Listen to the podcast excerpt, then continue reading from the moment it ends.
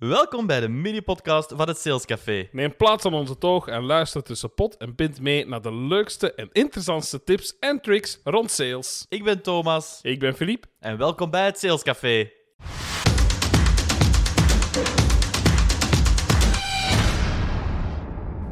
Een hele goede dag allemaal en welkom bij een nieuwe aflevering van de Sales Café mini-podcast. Dag Thomas. Hey Filip. Hoe gaat het? Goed, het zonnetje schijnt buiten. Ja. De ramen staan hier open op Ja, jouw zolder. Het zou anders niet te doen zijn. Vandaag gaan wij het hebben over... Het genereren van leads. Interessant. Want zonder leads geen sales, Filip. Inderdaad, dat denk ik ook, want we moeten natuurlijk mensen hebben om onze producten of diensten aan te verkopen. Yep, inderdaad. Maar ik wil er wel bij zeggen, leads genereren, we mogen het niet verwarren met hunting of ook niet verwarren met cold calling. Het is eigenlijk net het stapje voor deze andere technieken. Het is een term die we vooral gebruiken de dag van vandaag in het online saleslandschap. Maar het is niet meer weg te denken hè, uit het, eh, het huidige gegeven. Maar wat is nu de definitie eigenlijk echt van leads genereren? Leads genereren is het proces van het wekken van interesse bij klanten voor een product of service met als doel gegevens te verzamelen om later uiteindelijk een verkoop te kunnen sluiten. En we hebben hier zelf onderlijnd eh, gegevens te verzamelen. Dat is eigenlijk echt de bedoeling van het genereren van leads. Alles wat er achteraf komt, en ze echt gaan contacteren en dergelijke, dat is echt voor een ander proces of een andere methodiek. Hier vandaag spreken we echt puur over hoe gaan we nu net die gegevens gaan verzamelen. En dat maakt het soms dus een beetje complex, hè, want we willen die andere onderwerpen ook niet echt gaan aanraken. We willen ons echt gaan focussen vandaag op puur het gedeelte leads genereren. Dus even om terug te keren naar de essentie van leads genereren. Het is dus eigenlijk een soort van database aanleggen, een groep van potentiële klanten, met andere woorden, om daar uiteindelijk business mee te kunnen gaan doen in de toekomst. Blijft simpel, het is eigenlijk gewoon puur data, data, data. Leads genereren, het is key voor sales. Hè. Zonder, zo hebben we al gezegd, zonder leads geen sales. Zonder gaat de business doen trager of helemaal niet. En beeld u een keer in, je bent een zwembadbouwer en je zou de ganse database hebben van België, van alle mensen die heel graag een zwembad zouden willen in hun tuin. Ik reken mezelf al rijk, Thomas. Ik wou net zeggen, je rekent jezelf al rijk, want het is maar gewoon eigenlijk de telefoon oppakken bij wijze van spreken en beginnen bellen. Dat denk ik ook, hè? Ja, voilà, absoluut. inderdaad. Dus die leads genereren, het, het blijft toch wel heel belangrijk. We doen het voor zowel producten te verkopen of als services te verkopen. En we zien ook wel verschil dat er zijn in B2B of B2C Ja. markt aanreiken, uiteraard. En hoe komt dat juist? Heeft dat een reden? Of Ja, zijn die- verschillen, om het dan zo te zeggen? Je spreekt verschillende doelgroepen aan. Hè. Ja. Als je B2C ziet, dan zit je met een grotere pool mensen. En B2B ga je meestal één persoon moeten gaan targeten Mhm. met een bepaalde functietitel bijvoorbeeld. Ja, Om daar effectief business mee dus te gaan boodschap hadden moeten aanpassen De natuurlijk. boodschap moet, Ja. gaat moeten aangepast worden. Hè. Voor alle duidelijkheid, wat we hier vandaag bespreken is echt het topje van de ijsberg. Want dit is een enorm uitgebreid onderwerp. Zeker als je spreekt over heel dat online gegeven. Daar is zoveel over te vinden en dat is niet de bedoeling van die mini-podcast hier. De bedoeling is hier echt om heel kort en overzichtelijk gewoon snel uit te leggen wat dat juist de essentie is van een bepaald onderwerp. En we doen dat meestal met een voorbeeld. En deze keer doen we het voorbeeld van een startende tuinman. En die startende tuinman die wil eerst voor een B2C-publiek gaan, dus hè, eerst in de privé. En wil daarna misschien eventueel uitbreiden, wat mensen aannemen en wil daarna B2B gaan werken.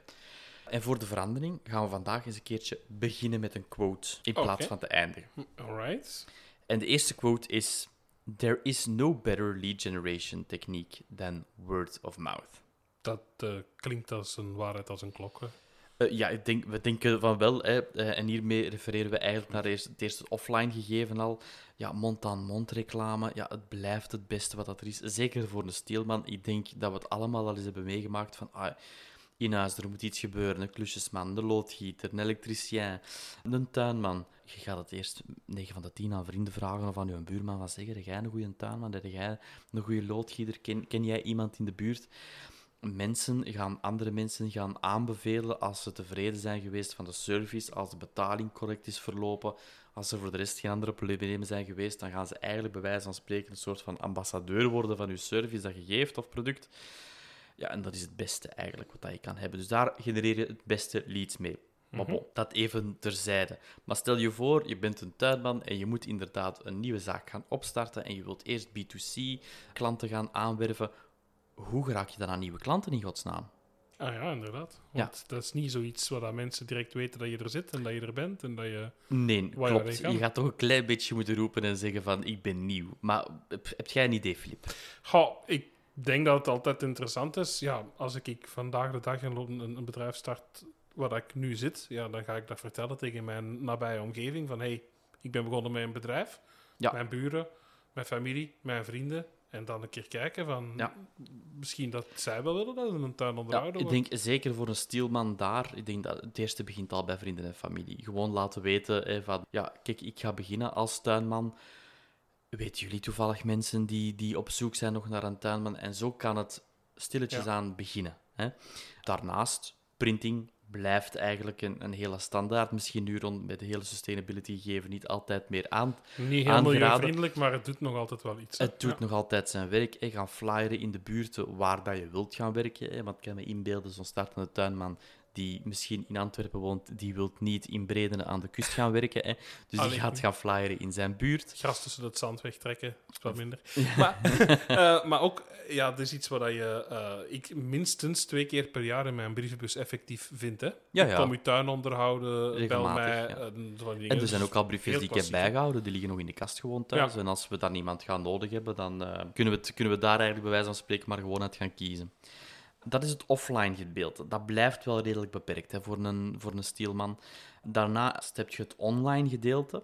Het online gedeelte zou je heel creatief in kunnen zijn. En nogmaals, dat is echt maar het pure topje van de ijsberg. Dus het is maar gewoon om een idee te geven wat dat je zou kunnen doen. Stel dat je een startende tuinman bent. Je zou bijvoorbeeld een campagne kunnen opstarten op social media en zeggen van kijk, schrijf je in voor een tweewekelijkse nieuwsbrief en elke twee weken krijg je nieuwe tips over het seizoen waarin dat we zitten en hoe dat je tuin verder moet gaan onderhouden. En zo kan die uiteraard weer ja, gegevens bekomen van mensen in de buurt. Ehm hij kan bijvoorbeeld ook een campagne opstarten om iets te winnen. Hè. Bijvoorbeeld een gratis onderhoud in de tuin. Je kan daar vragen aan koppelen. Hè. Je kan daar heel creatief in gaan. Dat triggert mensen natuurlijk altijd wel een beetje. hè. Klopt, klopt. Of zelf misschien een brochure online zetten van hoe een tuin aanleggen.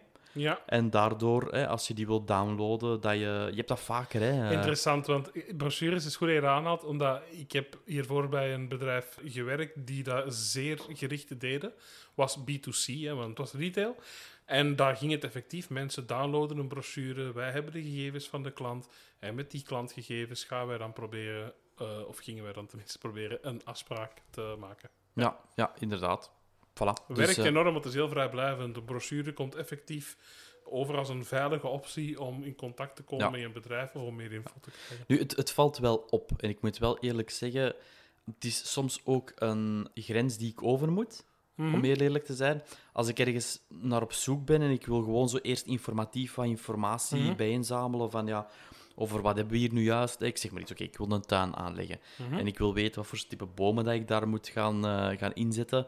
Ja, dan, dan moet ik misschien eerst wat meer info krijgen. Als je dan enkel maar de info alleen krijgt als je je gegevens moet achterlaten, dan ga ik al... Dat is voor mij al een drempel soms te ver. En ik, ik heb mezelf al gemerkt dat ik dan soms gewoon terugkeer en verder blijf zoeken naar iets anders. Ja, en daar zal je vooral de toegevoegde waarde moeten bieden ook weer. Hè. Waarom is die brochure net zo interessant? Ja, omdat jij de specialist bent in die tuinen. Mensen vinden info misschien wel random op internet, maar als ze iets specifiek willen weten, ze willen het van een vakman horen of zien, hè, dan kan het natuurlijk wel eh, een extra trigger zijn voor die eh, toch te downloaden. Inderdaad. Ja, het komt erop neer. Hè. Online is, gaat het eigenlijk altijd alleen maar over data, data, data. En daar draait het natuurlijk over. Het komt ook voor in de definitie. Het gaat hem over het verwerven eigenlijk van gegevens van potentiële klanten om daar achteraf iets mee te kunnen doen. Stel, zijn zaak gaat goed, hij heeft eh, verschillende particuliere klanten en hij zegt dan uiteindelijk van ik ga wat mensen aannemen, ik ga mij smijten op die B2B-markt. Ja, hoe gaan we dat dan doen? Er zijn kleine verschillen, maar er zijn ook heel veel overeenkomsten. Stel dat je eerst het offline gedeelte terug bespreekt, wat zou je dan kunnen doen? Bijvoorbeeld een advertorial in een, in een magazine. Hè. Dat is een, een, een advertentie, zal ik maar zeggen, maar gekoppeld aan een artikel. eh, met een soort van call to action. waar dat mensen zich opnieuw gaan kunnen inschrijven voor eventueel terug andere info te ontvangen. Maar jij vangt daar in de plaats terug de gegevens. Schrijf je in en ontvang een gratis tuinadvies. eh Voilà, zoiets. inderdaad, zoiets bijvoorbeeld. Wat zou dat nog kunnen zijn? Ja, evengoed weer printing, hè, flyers Mhm. of dergelijke. Helpt natuurlijk voor B2B misschien iets minder, maar het kan nog altijd helpen, want je kan die ook evengoed bij de bakker leggen in de buurt. Voilà. Bedrijven in de buurt, die mensen die werken daar ook, die gaan ook naar de bakker, die, die wonen daar misschien in de buurt. Dus hè. Wat kan je nog doen? Hè? Je kan bijvoorbeeld calling doen. Hè? Ja. Wij noemen het niet meer cold calling, Filip, nee, doen we sinds de laatste ons is het aflevering. hotcalling. Het is hotcalling geworden, hè. hotlists maken van eh, eventueel bedrijven in de buurt waar dat je weet dat er een tuin is. Hè. Ja. Ehm, dat is, het geldt natuurlijk hetzelfde voor, eh, voor particuliere klanten. Je moet niet gaan flyeren in appartementsblokken als je weet dat er geen tuin is. Redelijk zinloos. Voilà, inderdaad. Dus bepaal zelf je doelgroep. Of je kan zelf uiteraard eh, bedrijven gaan bezoeken en je voorstellen, gegevens achterlaten en zo verder, om uiteindelijk leads te genereren. Maar als je daar dan bent, vraag dan ook effectief achter de persoon die verantwoordelijk is Best voor contracten, onderhoud van gebouwen en, eh, en de ex- de externe eh, gedeeltes daar ook bij, uiteraard. Online, ja, hetzelfde eigenlijk als bij particulieren. Hè. Het draait hem puur om data, data, data. Zoek de juiste kanalen voor je doelgroep. Wie wil je juist bereiken? Zijn dat bijvoorbeeld facilitaire managers die eh, instaan voor ja, het onderhoud van zowel binnen de gebouwen als de externe gedeeltes van de gebouwen? Ja, dan kan je campagnes op LinkedIn starten met op functietitel, met een call to action, ook met een soort van brochures. Je kan een webinar organiseren over hoe dat een mooie tuin of de- een mooi uitzicht van je bedrijf mee kan helpen aan de verkoop in het algemeen voor je eigen bedrijf. Je kan heel veel zaken doen om uiteindelijk gegevens te verzamelen. Ik denk dat er één ding naar voren komt en dat is creativiteit. Speelt daar een grote rol in. Mhm. Maar dat online gegeven is enorm groot. En het gegeven social selling, op zijn algemeen, ja, we zouden daar heel graag een, een aparte aflevering over Dat is doen. echt wel de moeite ook om het eens goed over te hebben, natuurlijk. Ja, zeker en vast. En bij deze ook een, een warme oproep naar eh, mensen die daar echt in gespecialiseerd zijn. Wij willen graag enkele vragen stellen aan jullie Ja. over social selling, want het is ook een heel complex gegeven geworden. Hè. Dat is. Ehm, ik denk dat je eh, onlangs eh, een filmpje gezien online waarin dat er werd gezegd van ja, eh, vroeger had je één iemand eh, in een bedrijf die verantwoordelijk was voor en voor de social media en voor de communicatie en voor de, de, de, de visuals te maken, links, rechts en zo verder. Ja, de dag van vandaag kan je dat niet meer inbeelden. Die zaken zijn zo complex geworden, waardoor dat je eigenlijk mensen met verschillende talenten nodig hebt die werken op verschillende zaken als je spreekt over online en social Alles wat selling. communicatie en socials te maken heeft. Het zijn, eh, er zijn niet, niet voor niks aparte studierichtingen voor aan o- komen ook. Hè. Dus, Ja, eh, klopt. Goed, nogmaals, dat is echt het topje van de ijsberg. Ik wilde gewoon even kort duidelijk maken, wat was nu leads genereren? ja. Essentie van de zaak was, Filip, Zorgen dat je data, data, data verzamelt om Voilà. daar dan mee verder te gaan. Maar Ja. vergeet het ook echt niet, beste, beste mensen. Het is een heel belangrijk onderdeel van je salesproces. Zonder leads, geen feestje. Zo simpel is het. Nee. Of om het eh, met dit voorbeeld te benoemen, als jij het niet doet, dan maait iemand anders het gras je wel voor de voeten weg. Ah. dus mooi. ga er, ga er echt mee aan de slag, want het is, eh, het is super, eh, super belangrijk. Ja, oké, heel goed. En dan kunnen we ook afsluiten met nog de laatste quote. Want we hebben gezegd dat we er twee gingen doen vandaag. De laatste quote is: You are out of business if you don't have a prospect. En dat is hetgeen wat dat Filip zegt. Geen leads in de funnel, dat is een lege funnel. Er gaat niks uitkomen. Geen feestje. Nee, inderdaad. Hartelijk bedankt om ons dat even te verduidelijken, Thomas. Het was heel eh, interessant, denk ik, voor de mensen dat ze weten wat ze ermee kunnen doen. En voor u, beste luisteraars, ga ermee aan de slag. Als jullie daar de nodige tips of tricks van willen weten op internet, staat vol met hoe dat je leads kan genereren. Dus eh, duik daar zeker en vast dieper in. En natuurlijk willen we jullie nog bedanken voor het luisteren naar de aflevering. Blijf ons volgen op Spotify, op Instagram, Google Podcast, noem het maar op. Vertel het verder tegen iedereen die het wil horen. En dan spreken wij jullie heel graag terug een volgende keer. Tot de volgende keer. Bye bye. Bye.